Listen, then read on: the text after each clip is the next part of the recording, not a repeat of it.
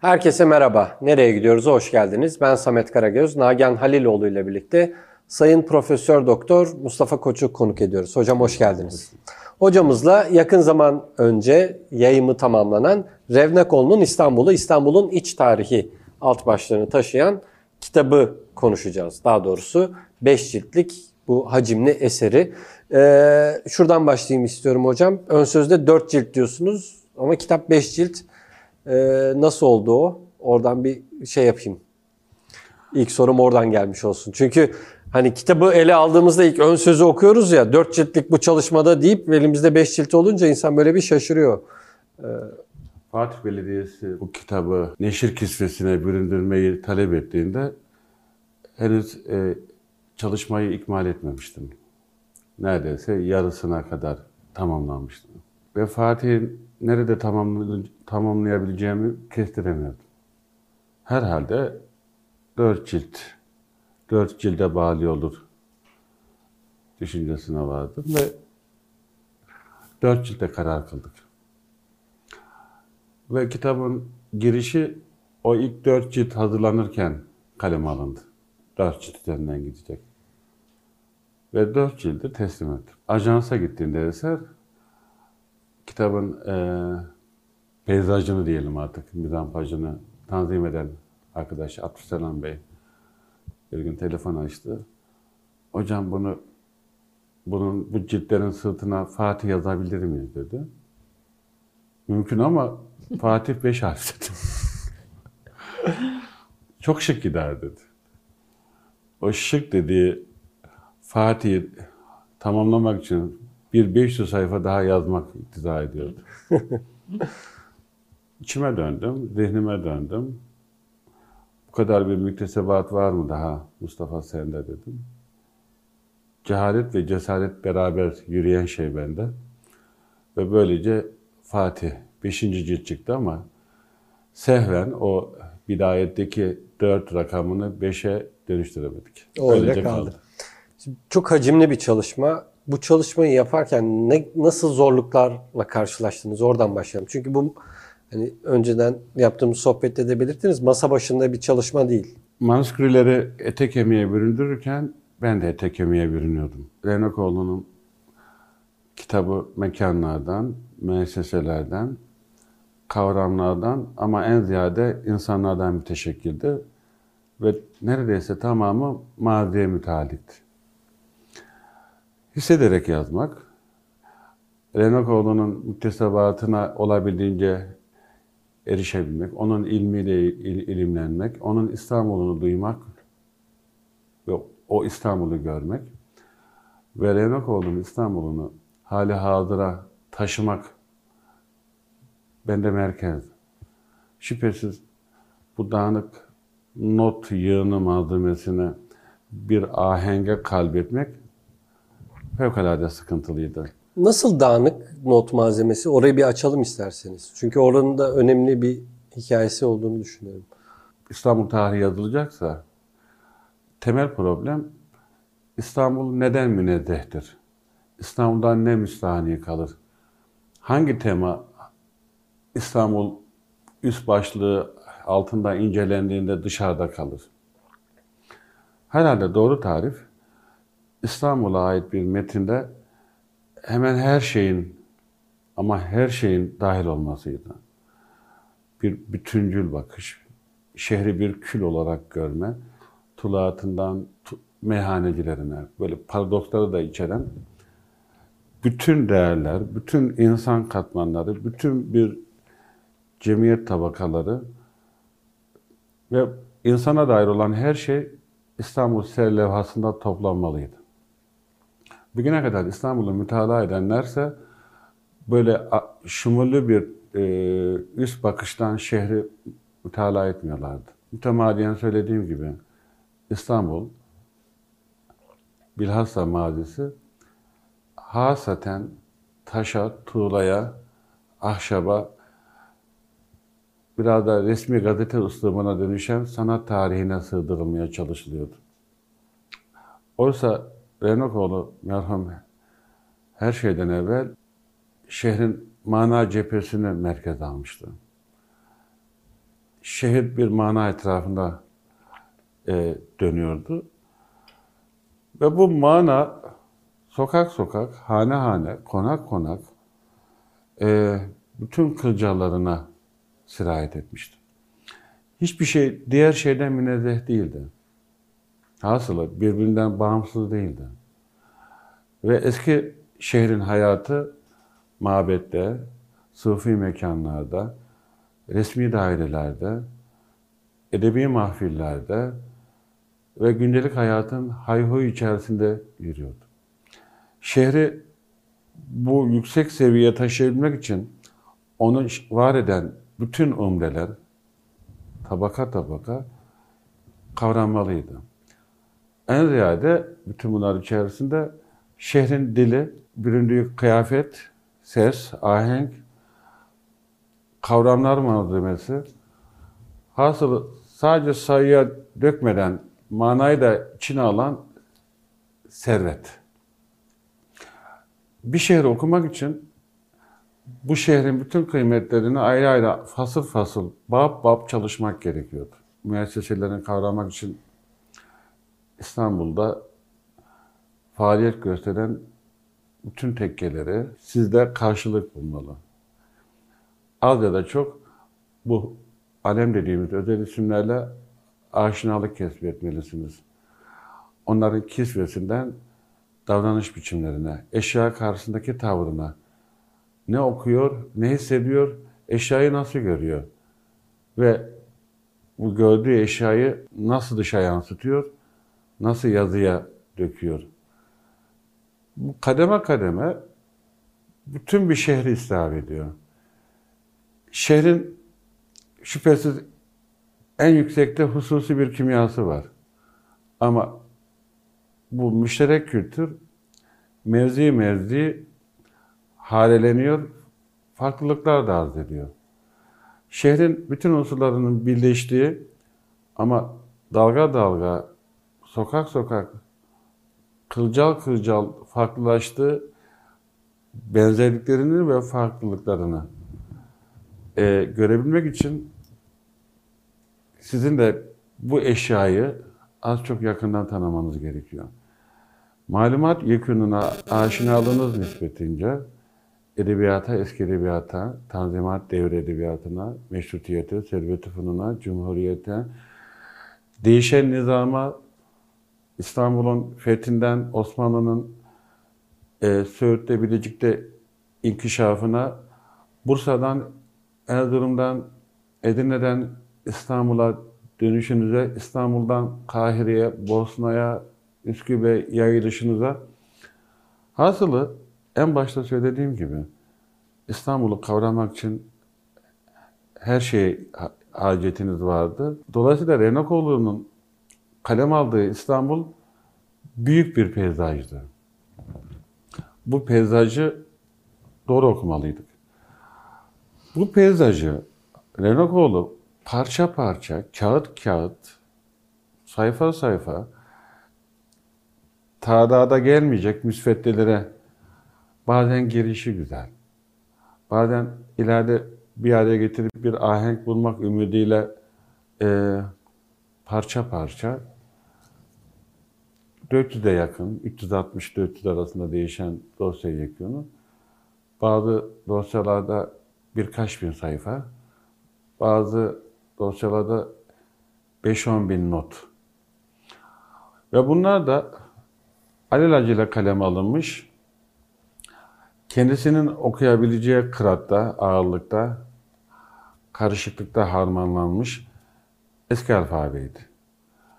Ve bazen iri, celi, bazen hurde dediğimiz küçük harfler.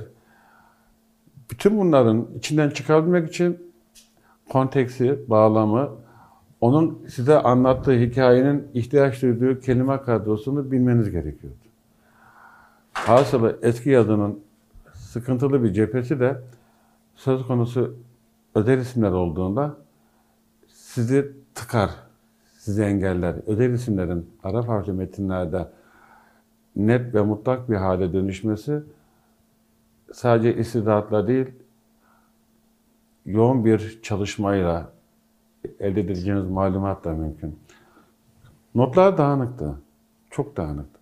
Revnakoğlu şehre hanesinden çıkıp yayıldığında da bir Darükurra'da bir hoca efendinin rahlesinin önüne diz çöküyor. Onu dinliyor, onu kaydediyor. Belki Fatih Camii Şerif'inde geçiyor.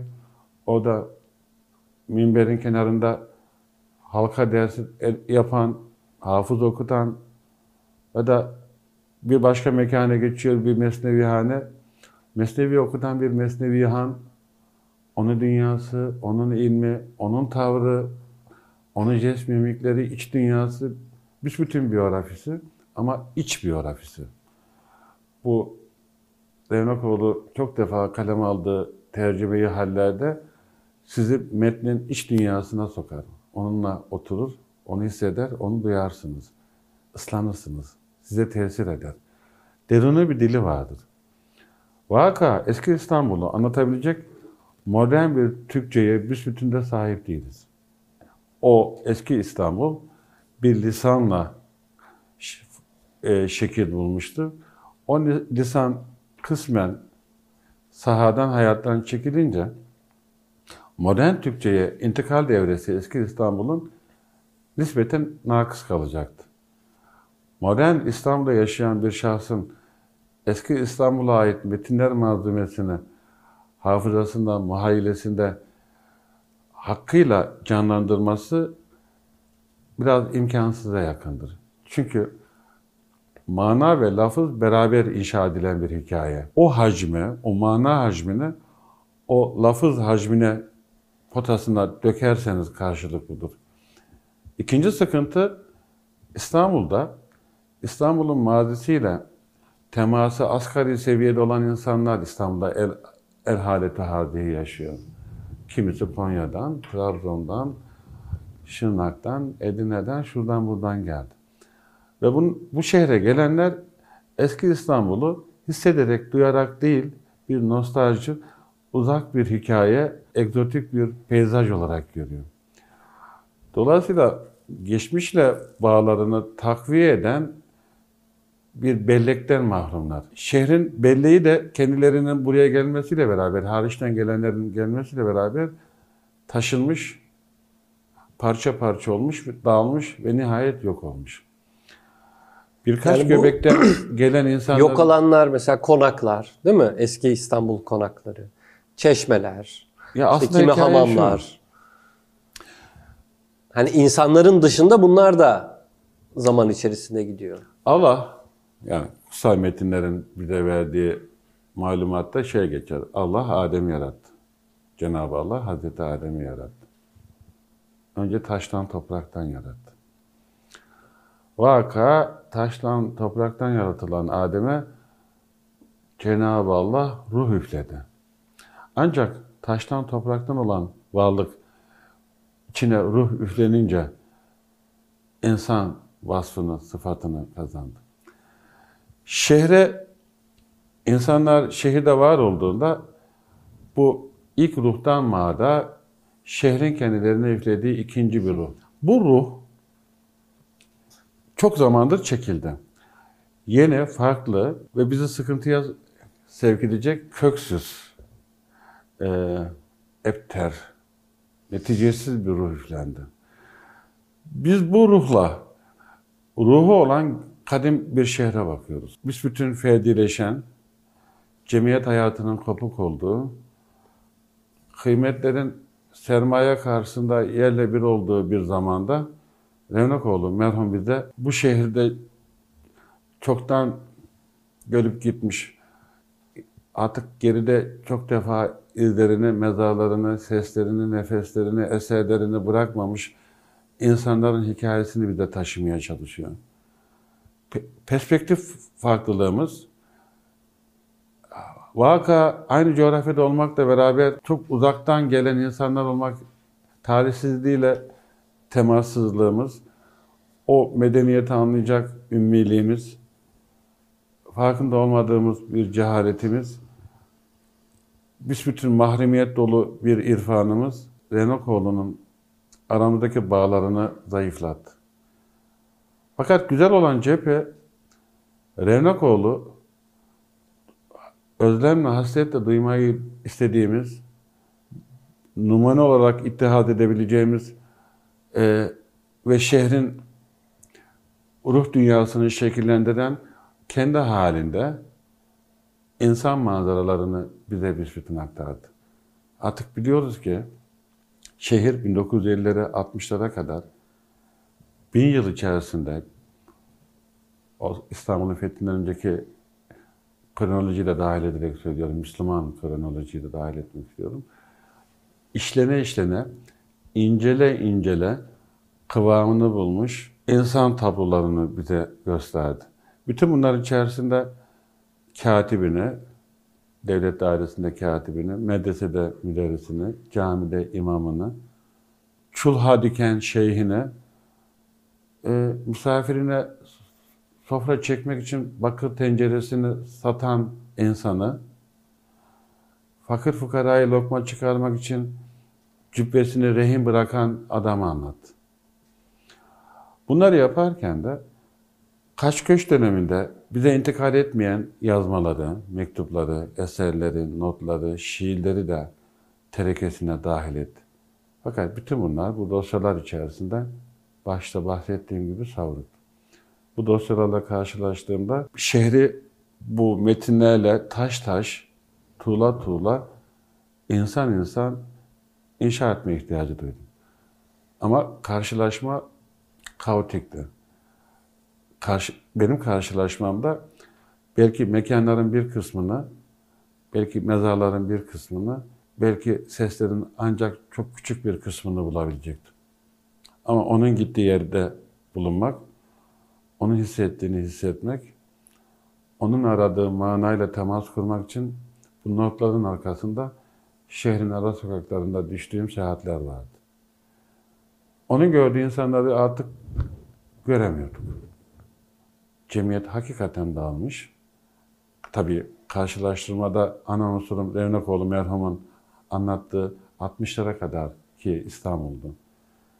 40 senede İstanbul'un kimyası bu kadar mı alt üst olur? Kelimeleri bu kadar mı değişir? Küsürleri bu kadar mı? Muaşereti bu kadar mı değişir? Eski İstanbul insanlığını inşa ederken birçok terbiyeyi ortak bir potaya getiriyordu. Saray terbiyesi vardı insanlarda. Bir kısım insanlarda. Herhalde sarayın nüfusu da fevkalade yüksekti. Bütün mühim bir bürokrasi saraydan çıkıyordu. Sarayın bir terbiyesi vardı. Eski kalem efendileri dediğimiz devlet dairelerinde katip terbiyesi, devlet terbiyesi bu kavram içerisinde insanlar bir nizam içinde ortaya çıkıyorlardı. Tekkede hizmete soyunmuş, seyir suluka girmiş, adab muaşeret görmüş, irfan görmüş, teslimiyeti, tevekkülü, sabrı, kanaati merkeze almış. Kalender insanlar çıkıyordu. Bir tekke terbiyesi vardı. Şüphesiz camiden ve medreseden geçenlerin şehre dahil ettiği bir terbiye vardı. Bunların her biri ayrı başına bir şehrin erişeceği şahikalardı ve bu şahikalar kesişiyordu. Diğer bütün müesseselerin şehirde kesiştiği gibi. Bu da İstanbul'u şekillendiriyordu. Birden çile çekilen, birden kaybolan bir manzara, birden hakikatini, mahiyetini yitiren insanlar, bütün bunların içerisinde Revnakoğlu merhum bütün bu yazıları kendisi için yazmıştı. Her şeyi yazmak isteyenin varamayacağı bir menzilde kitabı neşir kisvesine büründürmek iddia büyüktü. Fakat bu iddiayı hakikat sahasına çıkarmak için Anadolu Kavağı'ndan Silivri'ye, Üsküdar Çengelköy'den Eyüp yamaçlarına, Kasımpaşa Beyoğlu bütün bir vaaz için hasılı içinden geçmediği sokak, dokunmadığı mezar taşı, kapısını çalmadığı musiki şinas, hattını görmediği hattat, biyografisini yazmadığı tuluatçı, içine girmediği polis ve daha sayamayacağım bir yığın yere girip çıkıyordu. Ve her girip çıktığı yerde metinlere aksetmemiş, şifahi rivayetlerle günümüze intikal etmemiş anekdotlar, insan manzaraları hasılı geçmiş zaman bize anlatıyordu. Renakoğlu merhum okuduğumuzda en çok içimizdeki vicdanın sesini duyacağız. Çünkü vicdanımız hep güzel şeyler anlatır. Bütün bunların rağmen Renakoğlu merhum Mektebi Sultan Galatasaray Lisesi'nde okumak itibariyle Batı kültürünü, şarkın bütün irfanını e, ve karşılaştırma, mukayese yapma imkanına sahipti. Bir şeyin kıymeti onun diğer nesnelerle mukayesesiyle ortaya çıkar. Güzelin çirkinden farkını ancak karşılaştırma yaparak bulabiliriz. Renakoğlu bütün bunları tarih ve modern zamanlar içerisinde karşılaştırabilecek bir kudrete yükselmişti. Bu itibarla iyi müde- müderris, kötü müderris, kaliteli şey, kalitesiz şey, kötü edebiyat, kötü olmayan edebiyat, bu zıtlıklar içerisinde kendi geliştirdiği bir mihenkle bize maziyi anlattı. Ve maziyi anlatırken Renokoğlu'nun İstanbul'u hakikatte büyük mikyasla Renokoğlu'nun biyografisidir. Sizin etrafınızda anlattığınız insanlar bir perspektifle sizin hikayenizdir. Renokoğlu'nun hikayesi de kadim şehrin hikayesiydi. Bu itibarla iki devrin yani Osmanlı'nın ve Cumhuriyet'in iki devrini idrak etmiş, iki devrin arasını görmüş, müesseselerin intikalini ve değişimini, insan manzaralarını e, kavramış ve notlamıştı. Bunun içerisinde Abdülhamid'e suikast tehdit edecek kadar ileri safhaya varmış şeyhleri de kalem almıştı. Jön Türk Marşı'nı yazan şeyhi de yazmış. Ama onları görmüştü. Şehir ayaktayken, şehir İstanbul'ken, şehir güzel İstanbul'ken o İstanbul'daydı. Ve o İstanbul'dayken ve İstanbul o en güzel silüetini devlet yıkılır ve çatıdarken hala şehir güzeldi. Şehri büsbütün yazdı. İstanbul'u yazarken Renokoğlu hayattaydı. Ve İstanbul'un İstanbulluları İstanbulluların da İstanbul'u inşa ettiğini gördü. Öyledir. Şehir insanını insan şehrini inşa eder. Buradan hareket edersek 2022'nin İstanbul'unu inşa edenleri, inşa edenlerin İstanbul'unu gördüğümüzde varacağımız netice sıkıntılı bir netice. Maalesef. Ee, Ama e, sıkıntıları sor yani çok güzel anlattınız genel çerçeve olarak ama örnek verebilir misiniz? Yani nasıl sıkıntılar Revnekoğlu'nun izinde özellikle İstanbul'da dolaşırken e, ne gibi sıkıntılar örnek verebileceğiniz var mı? Renokoğlu merhamet sıkıntıları mı? Yok sizin sıkıntılarınız. siz hazırlarken Evet. yani sonuçta Revnekoğlu'nun izinden her şeyi gidiyorsunuz. Yerinde, evet, her şeyi yerinde görmeye çalışıyorsunuz. İşte bulamıyorsunuz ya da kapılar mı kapanıyor? Neler oluyor? Bu şehirde malumatı veya başka bir şeyi nedense e, aşinalıklarınız muhitinizin tesiri seviyesince temin edebiliyorsunuz. Yani bir aşinalık. Sizinle bir ülfeti, bir mazisi, hukuku ya da menfaati yoksa insanların sizinle teması daha ziyade kasvetli, soğuk ve mesafeli. Herhangi bir müessesenin, eski tarihi bir binanın içine girebilmek için mütemadiyen tavassutlar aramak. Hmm. Sokakta geçerken bir mekana, ecdattan yadigar, ecdadın vakıf bıraktığı bir eserin kapısından girmek, eski zamanlardan bir anı yaşamak, içinize çekilmek dokunmak, kendinizi bulmak istiyorsunuz. Böyle halisane ve sizi hassasiyete sevk eden bir hissiyatın içerisinde soğuk bir bakış aralanan kapıda siz kimsiniz diye yukarıdan bakan bir perspektif. Aşmanız gereken engellerden sadece birisi.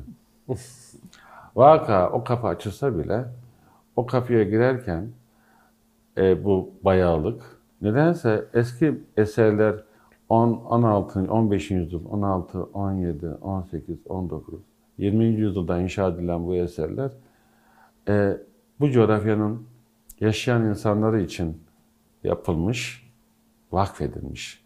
Hmm. Yazık ki bu ecdattan intikal eden mirasa sizin bir ziyaretçi olarak dahil olmanıza engel çıkartıyorlar zaman zaman. Bürokrasi devreye giriyor. Mevzuat mütemadiyen sizinle soğuk bir karşılaşma yapıyor. Ee, insanlar artık sizin gönlünüze, insan olduğunuza bakmıyor. Dedim ya, cemiyet hayatı için cem olmak kavramı merkezdedir. Artık cem değiliz. E, ferdiz. Fer kelimesi deyince de eski zamanlarda eşya ile olan münasebetimiz eşyaya hükmetme ve zamanın efendisi olma üzerinden yürüyordu. Nevi şahsına minhasır simalar inşa edebiliyordu kendisine. Oturuşumuz, tebessümümüz, jest mimiklerimiz, aksanımız hususileşirdi. Modern insan bir seri üretim neticesiymiş gibi hep birbirine benziyor. Aynı şekilde ayak ayak üstüne atıyor. Aynı şekilde bardağı tutuyor.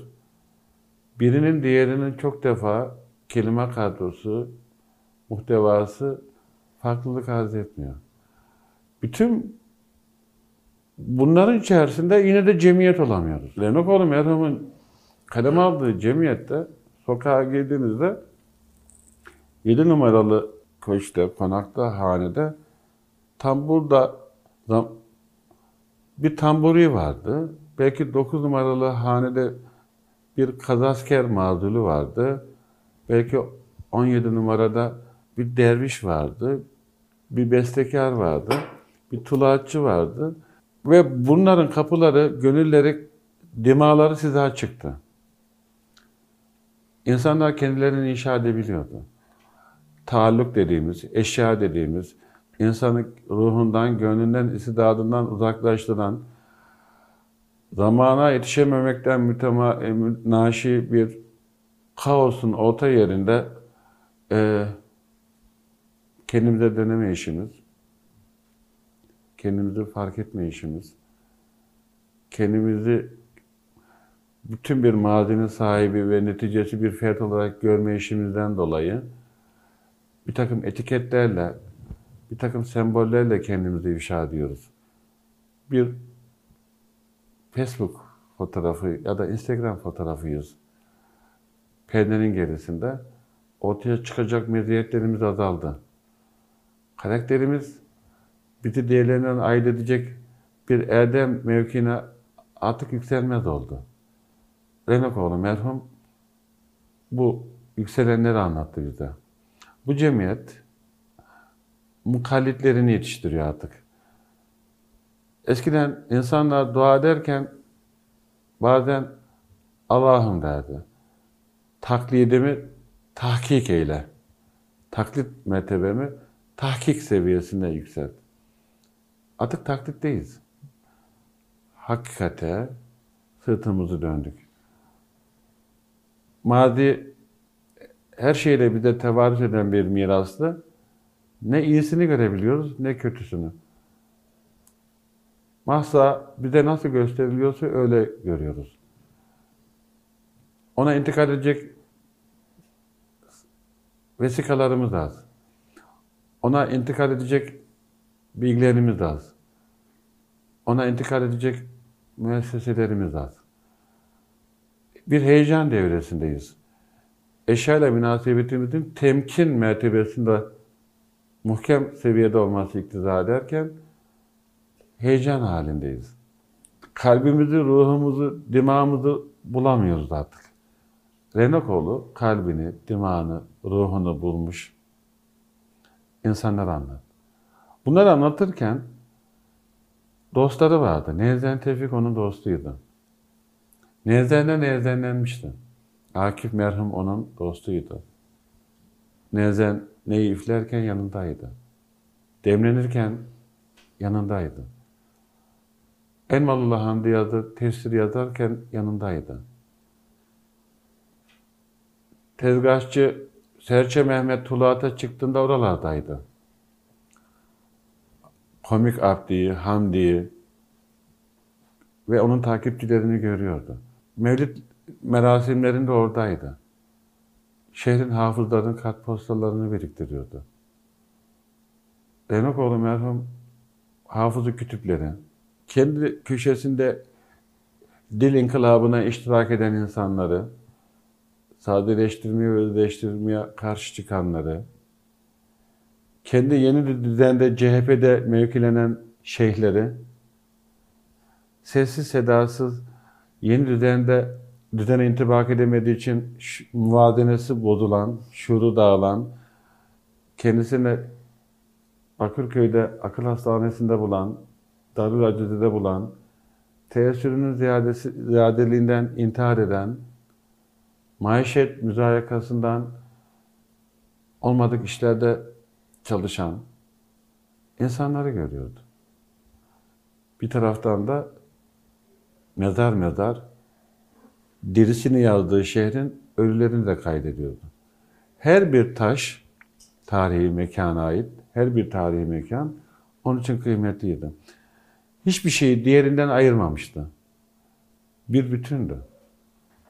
Ayıramıyordu da. İnsan bizden uzaklaştığımızda muhayyilemize biraz da kisvesiyle gelir. Üç beş günlük sakalıyla gelir.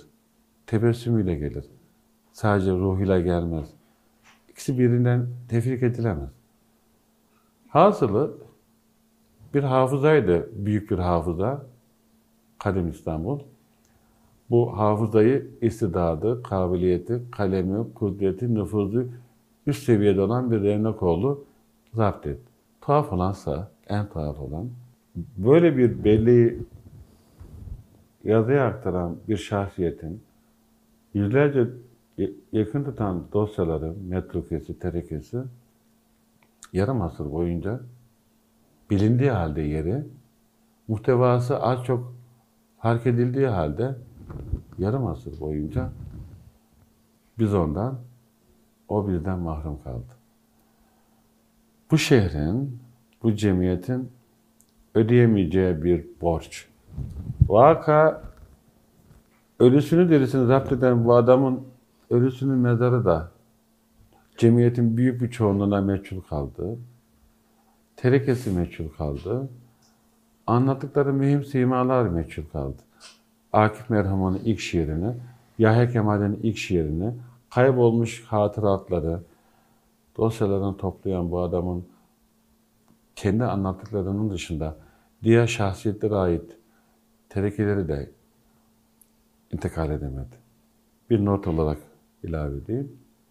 Elinizdeki kitap Suruçi İstanbul'un kitabı.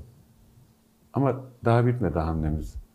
Bunu Renokoğlu'nun kaleminden koskoca bir Eyüp. Ardından koskoca bitmez tükenmez Kasımpaşa ve Beyoğlu. Bütün bir boğaz, Üsküdar ve diğer mütemmimler inşallah takip edecek. İnşallah. E, vaktimizin sonuna geldik hocam. Ağzınıza sağlık. Çok teşekkür ederim. E, çok güzel bir sohbet oldu. Hem Revnakoğlu'nun çalışmasını bize aktardınız hem de o Revnakoğlu'nun hafızasını tuttuğu İstanbul'u bir nebze olsa vaktimiz el verdiğince bize aktardınız. Çok teşekkür ediyoruz. Teşekkür ederim. Sağ olun. Bir sonraki bölümde tekrar buluşuncaya dek hoşçakalın.